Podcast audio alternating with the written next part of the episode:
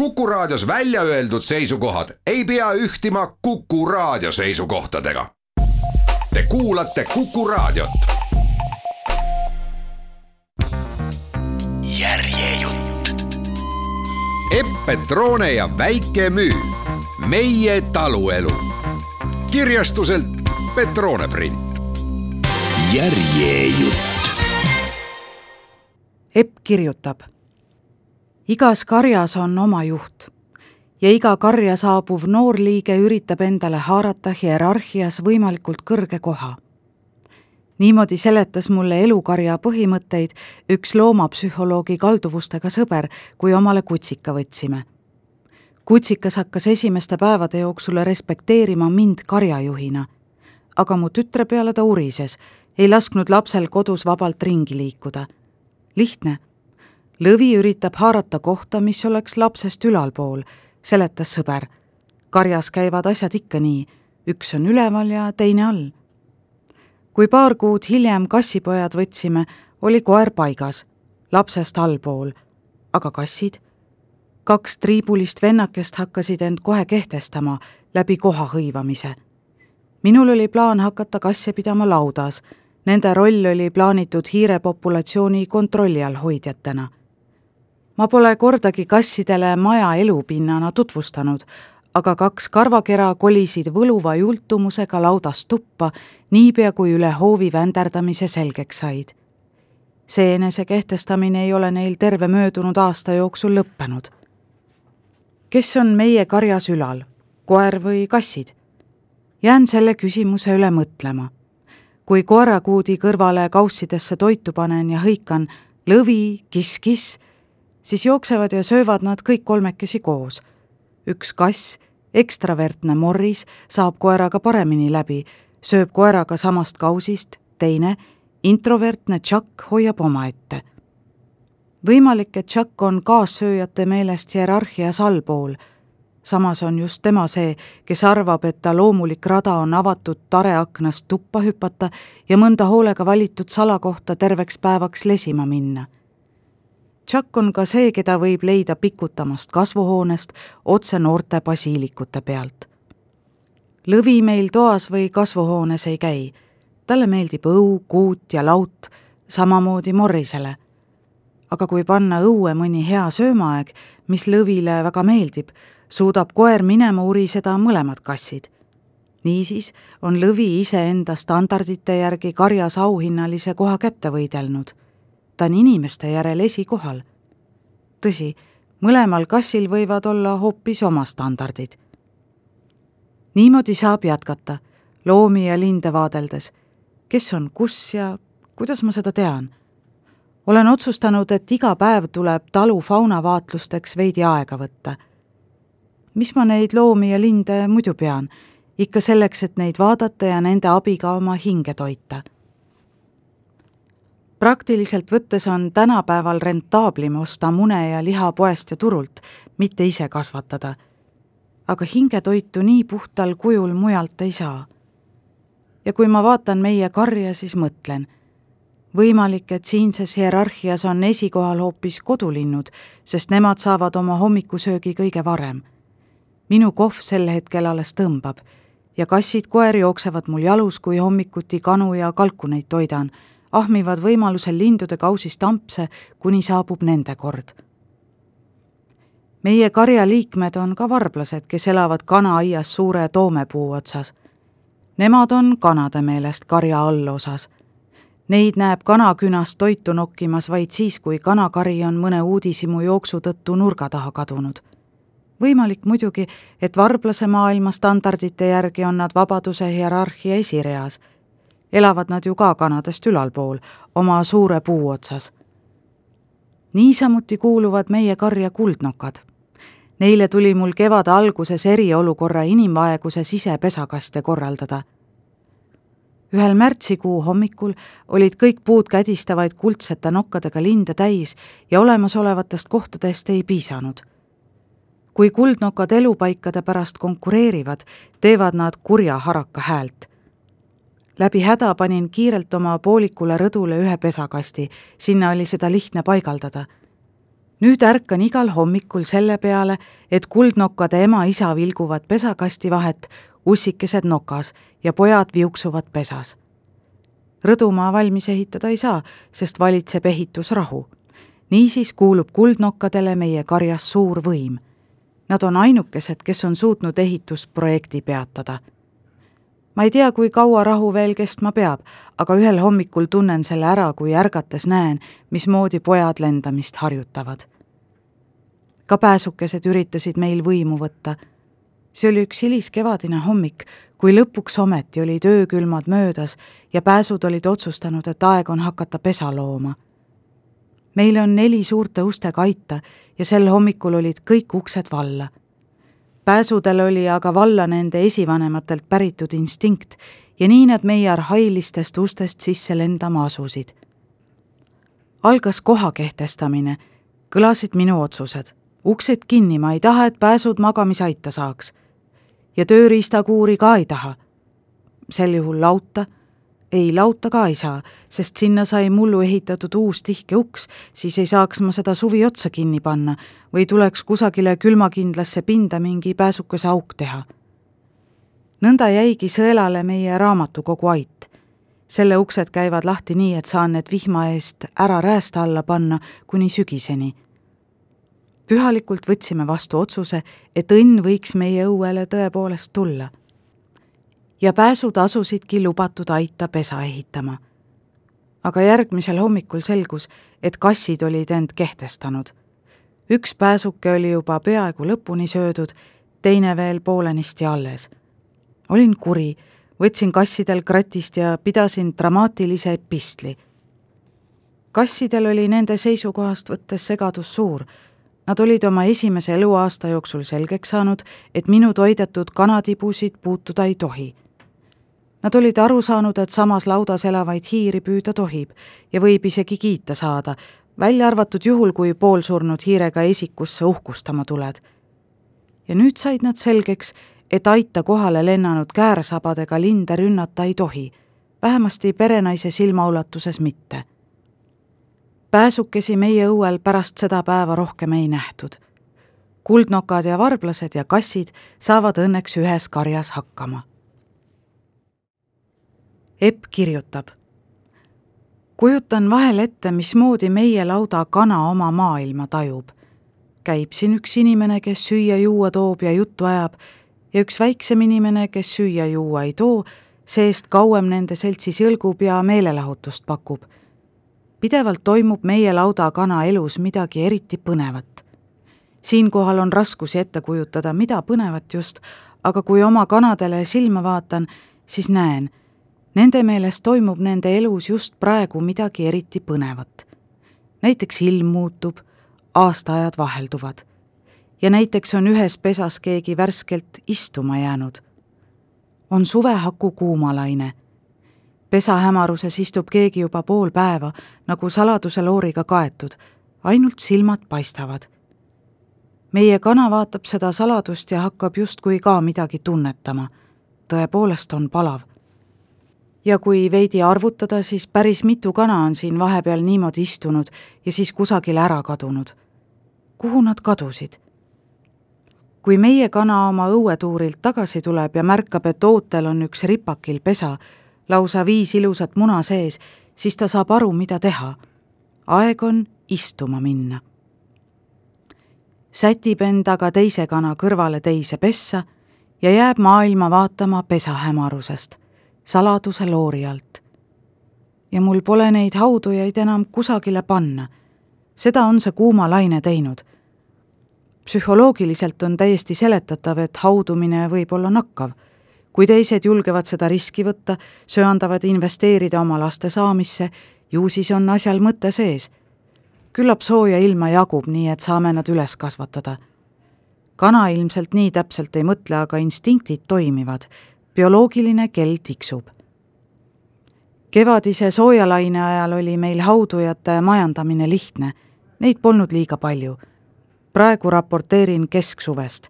meil on laudas neli eraboksi, igas elab üks hauduv mamma ja tibudega on ühises õue tibuaias juba omakorda neli edukat mammat. nüüd siis on kaks haudujat tekkinud ka suure lauda pesadesse. Juba nägin kolmandat, kes neid tõsiselt piidles ja ilmselt enese bioloogilist kella tunnetas. kui nii edasi läheb, siis meil varsti igapäevaseid munejaid polegi. kõik soovivad panustada kaugemasse tulevikku ma tõstaksin need kaks värsket haudujat kohe täna õhtul meeleldi ümber, kui oleks kohta, kuhu tõsta. peamine, miks ma seda teeksin, sest olen märganud, kuidas teised kanad tulevad haudujale külje alla uusi mune lisama. Loogiline, hauduja on ju hea mune, mis pesa ära võtnud. esimesel kahel päeval on see juurde munemine täitsa tore, ma nagunii panen äsja hauduma läinule omalt poolt ka mõne ilusa sinise muna juurde aga kui edasi jätkata munade lisamisega, ei oleks kogu munakurn enam samas rütmis. mõni on emasooja saanud näiteks nädala ja teine alles alustab arenguga, nii ei saa. Sellises haudumises on sees tõenäosus, et ohvriks jäävad pooleldi hautud tibud, sest mamma võib nende haudumisest loobuda, kui tal kolme nädala pärast esimesed koorunud käes korra kevadel tegin nii, et kuulasin kõik mahajäetud pesamunad läbi kuulsin osast piuksumist, tõstsin need teisele haudujale alla, kes siis kolm päeva hiljem kaks tibu sai ja õnneks siiski ka oma ülejäänud kurna lõpuni haudus, samal ajal kui esimese satsi tibud ta peal mängisid. Olin juba arvestanud, et kui see mamma peaks nüüd omakorda munad maha jätma, eks ma siis tõstan need munad kolmanda hauduja alla, aga seda polnud vaja niisugust edasitõstmist ma tegelikult rohkem teha ei tahaks, sest olen kuulnud lugu, kuidas kellelgi oli tõstmise käigus mädamuna peos katki läinud. aga tänase probleemi juurde. kuidas kolida hauduvat kana? meil siin on praktika käigus kujunenud välja järgmine stiil. kõigepealt kolimine tuleks ära teha võimalikult haudumise alguses, kui mammal on veel palavik. ta keha huugab ja ta ei suuda munadel istumist jätta. teiseks kindlasti teeme kolimist õhtuhämaruses, kui lauda laetuli on kustus. kolmandaks, panen kätte kindad. see on mulle nagu psühholoogiline kaitse, sest tegutseda tuleb väga õrnalt ja rahulikult. mu kaheksa-aastane assistent tuleb väikese korviga. Lähenen kanale oma käega tagantpoolt, võtan muna või kaks, panen need lapse valdusesse, korvi, ise räägin kanaga rahulikult juttu võtan siis kana kahe käega kinni ja tunnetan. võimalik, kui kana on väiksem, et saan käte vahele jätta ka ühe muna. kujutan ette, et siis on kanal parem tunne, teda pole tähtsa tegevuse pealt katkestatud. siis tõstangi. Seletan, et vaat siin on sul palju parem, keegi ei tule sulle külje alla munema, süüa-juua saad rahulikult, vaade on hea ja kui tibud tulevad, küll neil on siis mõnus mängida sama jutu käigus panen talle korvist alla muna või kaks ja lasen kana lahti. nüüd on see tema otsus, kas ta jääbki kohe uue pesa peale hauduma või hakkab hämarusest hoolimata kõigepealt natuke närvitsema, uut elukohta mõõtma. Samal ajal lahkun ma ja võtan kiire kindla käega ülejäänud munad vanast pesast korvi ja toon uude pessa. kõik edasi mind ei huvitagi, kas kana läheb kohe peale või jääb aktiivselt õiendama. laudas on hämar ja munad valendavad kutsuvalt sealsamas. kogemus näitab, et ta läheb igal juhul munade peale. seda kõike saab teha ka siis, kui on, kuhu kolida. praegu seda luksust pole. mõtisklen, mis siis, kui koliksin kaks haudujat kokku ühte boksi. esialgu tundub hea mõte ega nad teineteist ju sega, aga mis saab nädala pärast, kui esimesel kanal tibud tulevad? teine, kellel veel kaks nädalat haududa jäänud, võib saada kurjaks, kui mingi võõras tibu tal otse noka all jookseb. ega siin lihtsaid vastuseid ole. tuleb lihtsalt otsast katsetama asuda. niimoodi memmeks kasvataksegi. Epp kirjutab maaelu juures on üks tore ja hull asi see, et miks küsimuse peale annab ikka ja alati vastata, miks mitte. vähemasti nii on see olnud meie lapsemeelses talus. miks mitte ehitada suur rõdu või puuonn või panna lilled kasvama vanasse vaati ja nii edasi. nüüd olen küll plindris, sest kaheksa-aastane tütar on minu mõtteviisist nakkust saanud ja hakanud ajama, et vaja oleks võtta poni. miks? Miks mitte ja tegelikult kaks. miks? sest ühel hakkab üksi igav. selline dialoog meil käib ja tal on häid argumente. poni on muruniiduki eest ja kakab sõnnikut. minul on vastukaaluks tugev argument, et ponid maksavad palju. aga kitt sai meil tõesti võetud enam-vähem miks mitte mõtteviisiga arutasin seda enne sinuga ja olen väga tänulik, et aitasid hoida ideed praktilistes raamides. kirjutasin pärast jutuajamist paberile olulised punktid. kui võtta kits, siis üks on küllalt. Pole tarvis kuulata juttu, et kits on karjaloom ja vaja on kohe mitut. võta selline kits, kes on harjunud olema teiste lindude loomadega. tema kari ei pea koosnema ilmtingimata just kitsedest ja tuleb võtta kits, kes on harjunud ketis olema. Pole vaja kuulata juttu, et ketitamine on kitse piinamine. Pole vaja hakata ehitama kitsekindlaid aedu või ostma elektrikarjust, kindlasti mitte. ja tuleb võtta vanem loom, selline, kellel on rahulik iseloom, kes ei teeks üleannetust. ja tuleb võtta tavaline poolaher kits, kes ei lüpsaks liialt palju et saaksin lüpsmist harjutada ja kogemuse kätte, aga ei peaks muretsema, mis ülearuse piimaga peale hakata. ja piima udarasse jätta ju ei tohi, võib põletik tekkida, on nii? ja tuleb võtta kits, kel poleks sarvi, sest muidu võib keegi kogemata valusalt susata saada. nägin fotot kitsesarve haavast sõbrapere vanaema kintsul, see oli üks hull ja mädanev haav ja eriti hea oleks saada see kits prooviajaga või veel parem suverendiks. Just sellise kitse me leidsimegi, isegi mitte aktiivselt otsides, vaid lihtsalt avatud talude päeval ühe toreda ketis mökitava habemiku juures peatudes. ja ma tõesti tundsin, tundsin oma kitse ära. ei suutnud temast kuidagi kaugemale minna. mingi kummaline sõbrannalik kamraadlus tekkis temaga. ma teadsin, et ta on natuke hull ja jonnakas on juba sündinud selliseks, aga ta on küllalt elu näinud ega viitsi suuri lollusi teha. Selline minu moodi. ja sarvi tal ka polnud. kui perenaisega juttu ajama hakkasin, siis selgus, et Katariina ei anna eriti palju piima. liiter hommikul ja liiter õhtul ja on harjunud olema suure segasumma majapidamise ainuke kits. see oli suur pere, kelle juures elab mitmeid mujal ülejäänud loomi, näiteks vana hobune ja perenaine ise ütles seda. Kui Katariina sul ikka südame külge jäi, peaksid ta võtma, aga teeme nii, et võid ta iga aeg tagasi tuua. leppisimegi nii kokku. võimalik, et Katariina jääb meile suve lõpuni ja uuel kevadel tuleb ehk uuesti. mõeldud-tehtud. ma ei osanud hommikul kodust välja sõites arvata, et tulen tagasi koos kitsega Maria istus uhke näoga tagaistmel ja tema pea juures mökitas teine pea kits oli meie džiibi pagasnikus. Mind paneb ikka veel imestama, kui loomulikult saab elajaid autodes vedada. perenaine korraldas alla ajalehekihi ja Katariina kalpsas väikese meelehea peale pagasnikusse. nöör sai istme külge ja sõitsime ta vahtis habe õieli akendest siia-sinna ja imestas mitu korda valju häälega, ilmselt väljendas oma suurt üllatust, et maailm nii suur on kodutee oli nii pikk, et poole peal heitis magama. jah, Katariina maailm tõesti on suur ja kõige üle ei jõua imestada. meie lapsega olime erutust täis ja arutasime, mis edasi saab. see on see lapsepõlve maatunne, suur õnn, kui õnnestub saada endale uus loom perre või kohata uut looma. minu lapsepõlves oli selliseid hetki päris palju ja vahel mõtlen, et mul on vajadus neid uuesti tekitada on selles ehk midagi vastutustundetut, ma ei tea, on vihjatud seda. ma olin saanud ühe Priasse mitte kantud kitse ja pannud selle autosse, mis siis, kui politsei oleks mind kinni pidanud. aga vahel tuleb lähtuda enda sisemisest äratundmisest.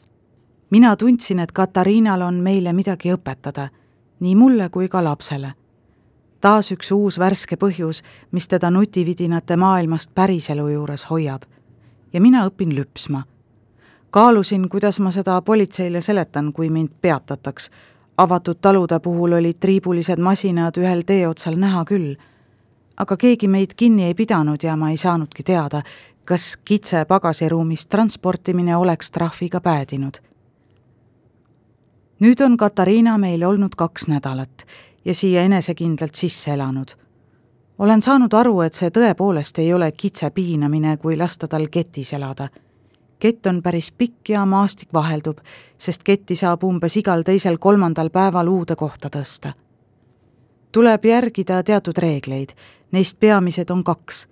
kitsel peab olema varjumineku koht ja peab olema midagi põnevat kuna meil on Kanaia lähistel igas küljes heina, mis vajab pügamist, osa sellest on identiteedikriisis lilleaas, saab Katariina söömise ja pikutamise kõrvale kaeda kanatsirkust ja linnud saavad Katariinat vastu kaeda. mõlemale poolele uus meelelahutus. kõige suurem piinamine on ketitamise kontseptsioonis minu meelest hoopis perenaise suunal. nii keeruline on mul seda raudvaia lõpuni maa sisse taguda Epp kirjutab. mul on meeles lapsepõlvest mõned ilusad suvepäevad, mis tänapäeval tagasi vaadates panevad veidi kulmu kergitama. Kuidas meie isa viis oma kolm last pangedega metsa ja sõitis ise minema. päev otsa korjasime õe ja vennaga mustikaid ja ajasime juttu, jõime veepudelid tühjaks, sõime võileivad ära, õppisime üksteist tundma, tegime äraarvamismänge ja saime panged ka täis selleks ajaks, kui isa oma plekilistele lastele järele tuli. metsas käia on siiani hea ja lausa hädavajalik.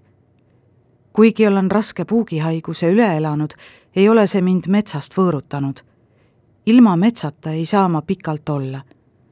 tead ju küll seda tunnet, kui tõmbab, sees on rahutus. ja siis kõnnid metsa poole, mõnus ootus kerib sisse ja metsas saabub rahu justkui täiesti teistmoodi maailm. samas niisama teraapiliselt kõndima oma metsa eales ei lähe, olen hingelt ikka millegi ärategija, ärakorjaja. Mõtlesin, et võiksin endale kusagilt tellida käbikorvi, mis rihmadega selga käib. nii tore oleks käia mis tahes aastaajal toreda põhjusega, tulehakatist tuua mulle meeldib metsas see, et mitte kunagi ei saa tekkida tunnet, et kõik tuleb lõpuni ära teha Pole võimalik kõiki mustikaid ära korjata. nopid, palju tahad. olen kuulnud, et antropoloogid on uurinud, küttkorilaste kultuurides on kohustusi ja distsipliini palju vähem kui põllupidajate karjakasvatajate kultuurides ja nad on õnnelikumad ja neil on oma lastega paremad suhted. paneb mõtlema.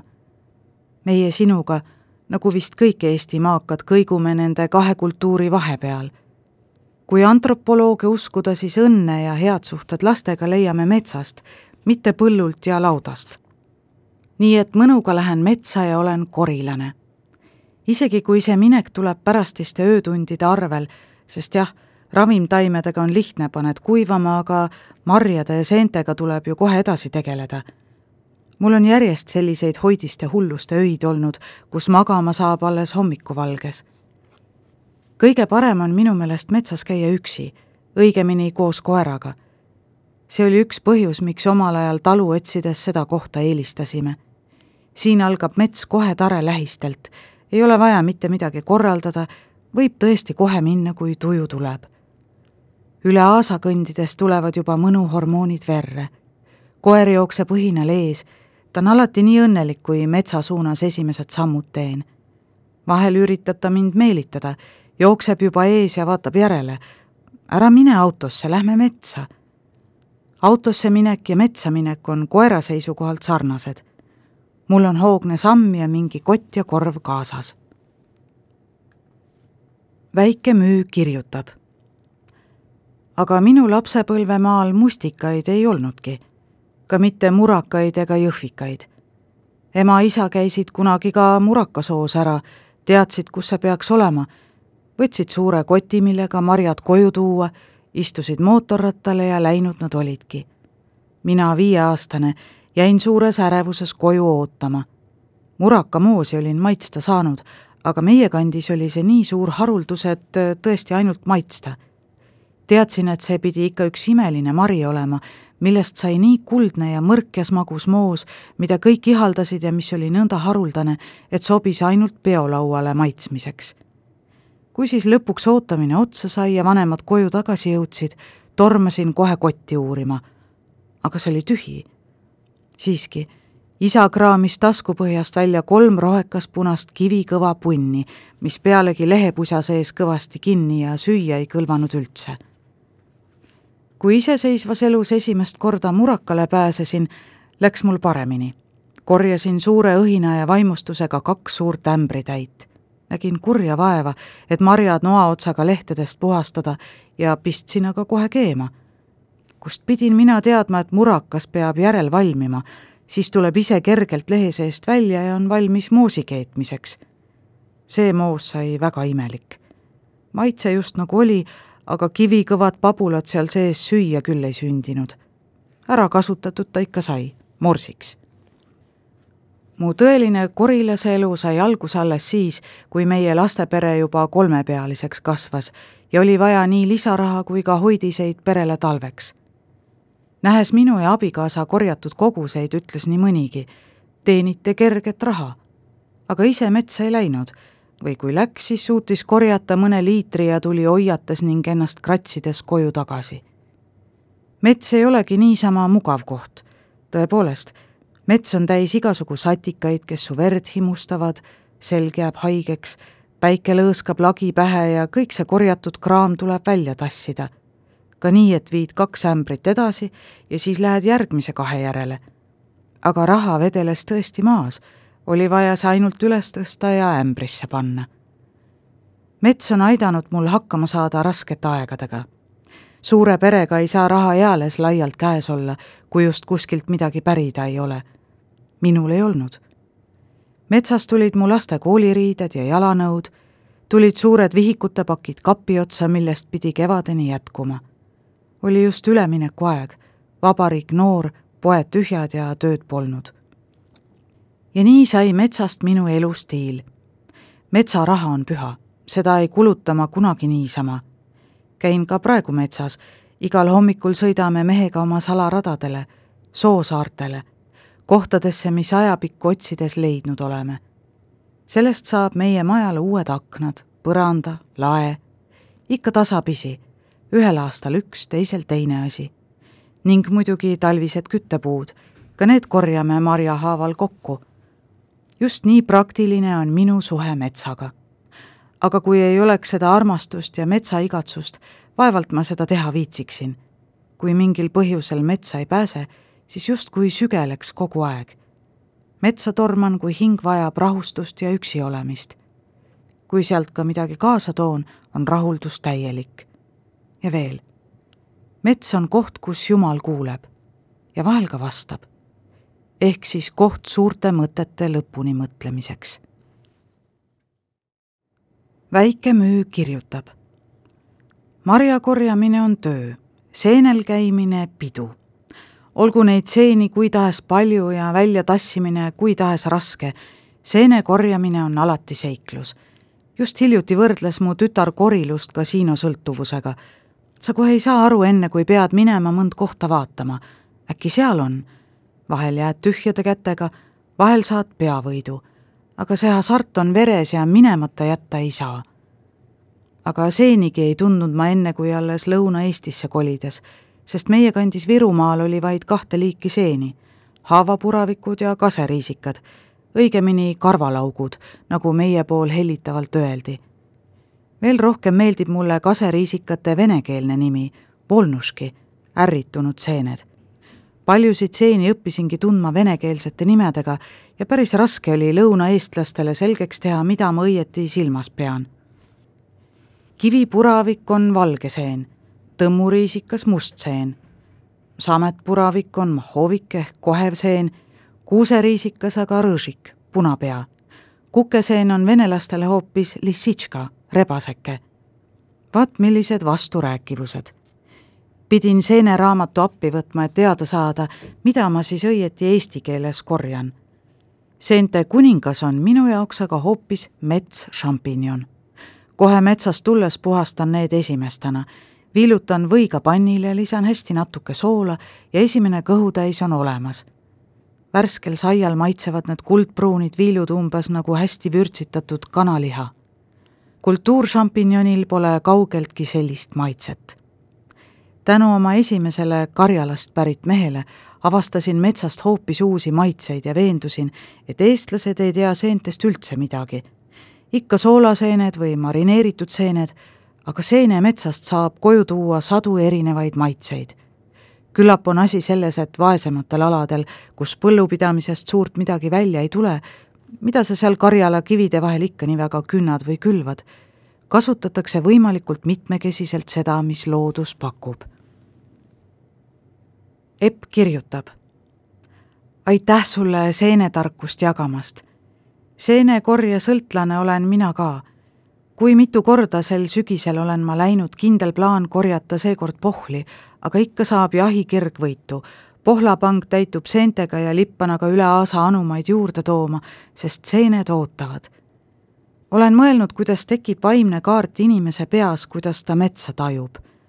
ma räägin iseendaga osaliselt on see sõnades, osalt piltide ja tajude keeles. otsustan, täna lähen Puravikumäele välja, Suure Kuuseni. Kui seal olen, siis otsustan, hoian seekord selle imeliku teeni. see polegi tegelikult vist tee. võib-olla on seal kunagi olnud mingi metsatee või mingisugune piir. midagi seal on ja minu jaoks on see üks mu metsamaailma orientiir. ma nimetan seda mõttes oma metsaks aga pole ta seda ei juriidiliselt ega ajaloo tundmiselt. samas kaart, mida mööda ma metsas kulgen ja keel, millega ma olen metsa kaardistanud, need on minu. ja see teeb ka metsa minu omaks. metsas lööb muidugi vana korilaste ahnus välja, geenide vastu ei saa. oled sa kunagi mõelnud, et kõigist neist tegevustest, mis me päev-päevalt teeme, on just metsas seenel marjul käimine kõige ürgsem ka kümme tuhat aastat tagasi käisid meie esiemad samamoodi metsas toitu otsimas. See siiras rõõm kivipuraviku leidmise üle on meis väga sügavalt sees. ja kuna mul on oma puravikumäed, siis sikutan suuri pangesid kodu poole. vaat sulle puravikumäed. mina kuivatan suure osa puravikke, nii nagu vanad setod ja venelased. leso kohal soemüüril, traatide otsa riputatult, päris suured seenetükid kuivati on minul ka, aga kogu aeg on nii suur tempo peal, ei ole aega seeni liistakuteks lõigata ja hoian elektrit ju nõnda ka kokku. huvitav oleks ka teada, milline on sinu vana profi seente korjamise strateegia. ühest küljest tuleb kirg, tahaks aina edasi minna, teisalt saavad ju panged kohe täis, eriti kui haavapuravike kolooniate peale sattuda ma olen teinud niisugust rumalust, et korjan ja korjan, tekitan enda järele seente kuhjad ja siis hakkan neid kuhjasid pidi tagasi minema. aga enam vist kõiki üles ei leia. tagasi minnes on tempo maas, jahikirg rahuldatud, topin näppusid vahu vahele ja tõmban seda ära, vahel lõikan, oleneb olukorrast. olen korduvalt sellegagi hädas, et ka vahust puhastatud ja ära lõigatud jalgadega seened ei mahu ära olen seenehunnikuid metsa jätnud ja kiirelt kodus pangesid tühjendamas käinud. olen seljast dressipluusi võtnud ja sellest märsi teinud. olen lapsi kaasa meelitanud ja neid pisikuga nakatanud, nii et kõik koos vaagume, panged käes kodu poole. ja selline lugu kirja lõppu, sulle ja su sõltlasest tütrele. kuidas ta muidu oleks seenemetsa kasiinoga osanud võrrelda? kujuta ette oled just kõik anumad puravikke täis korjanud ja isegi hunniku maha jätnud, et ruttu tagasi tulla, vaarud kodu poole, põikad sisse ühte kentsakasse tukka ja seal on sirmikusoon. nii palju sirmikuid, et neid ei jaksa üle lugedagi. ikka lausa mitukümmend, mõni neist vihmavarju mõõtu. tahad neid korjama asuda, ahnus pulbitseb veres, sest äkki muidu naabrinaine või keegi teine tuleb. ja siis sa saad aru, et sa rikuksid praegu uisapäisa korjates need seened ära. ei ole ilus neid metsahunnikusse panna, nende hõrk kohev struktuur ei vaja sellist lisavääntsutust. võib valada puravikud maha ja korjata sirmikud ära. selget mõtlemist ei ole. ainult seened virvendavad silme ees ja siis sa enam-vähem jooksed kodu poole oma suurte raskete puravikupangadega ja kaardistad peas, et mitu korda nüüd veel käia tuleb ja mismoodi need kõik tehtud saab ja taipad, et täna öösel magada ei saa. järjejutt. Epp Petrone ja Väike Müü, meie taluelu. kirjastuselt Petrone print. järjejutt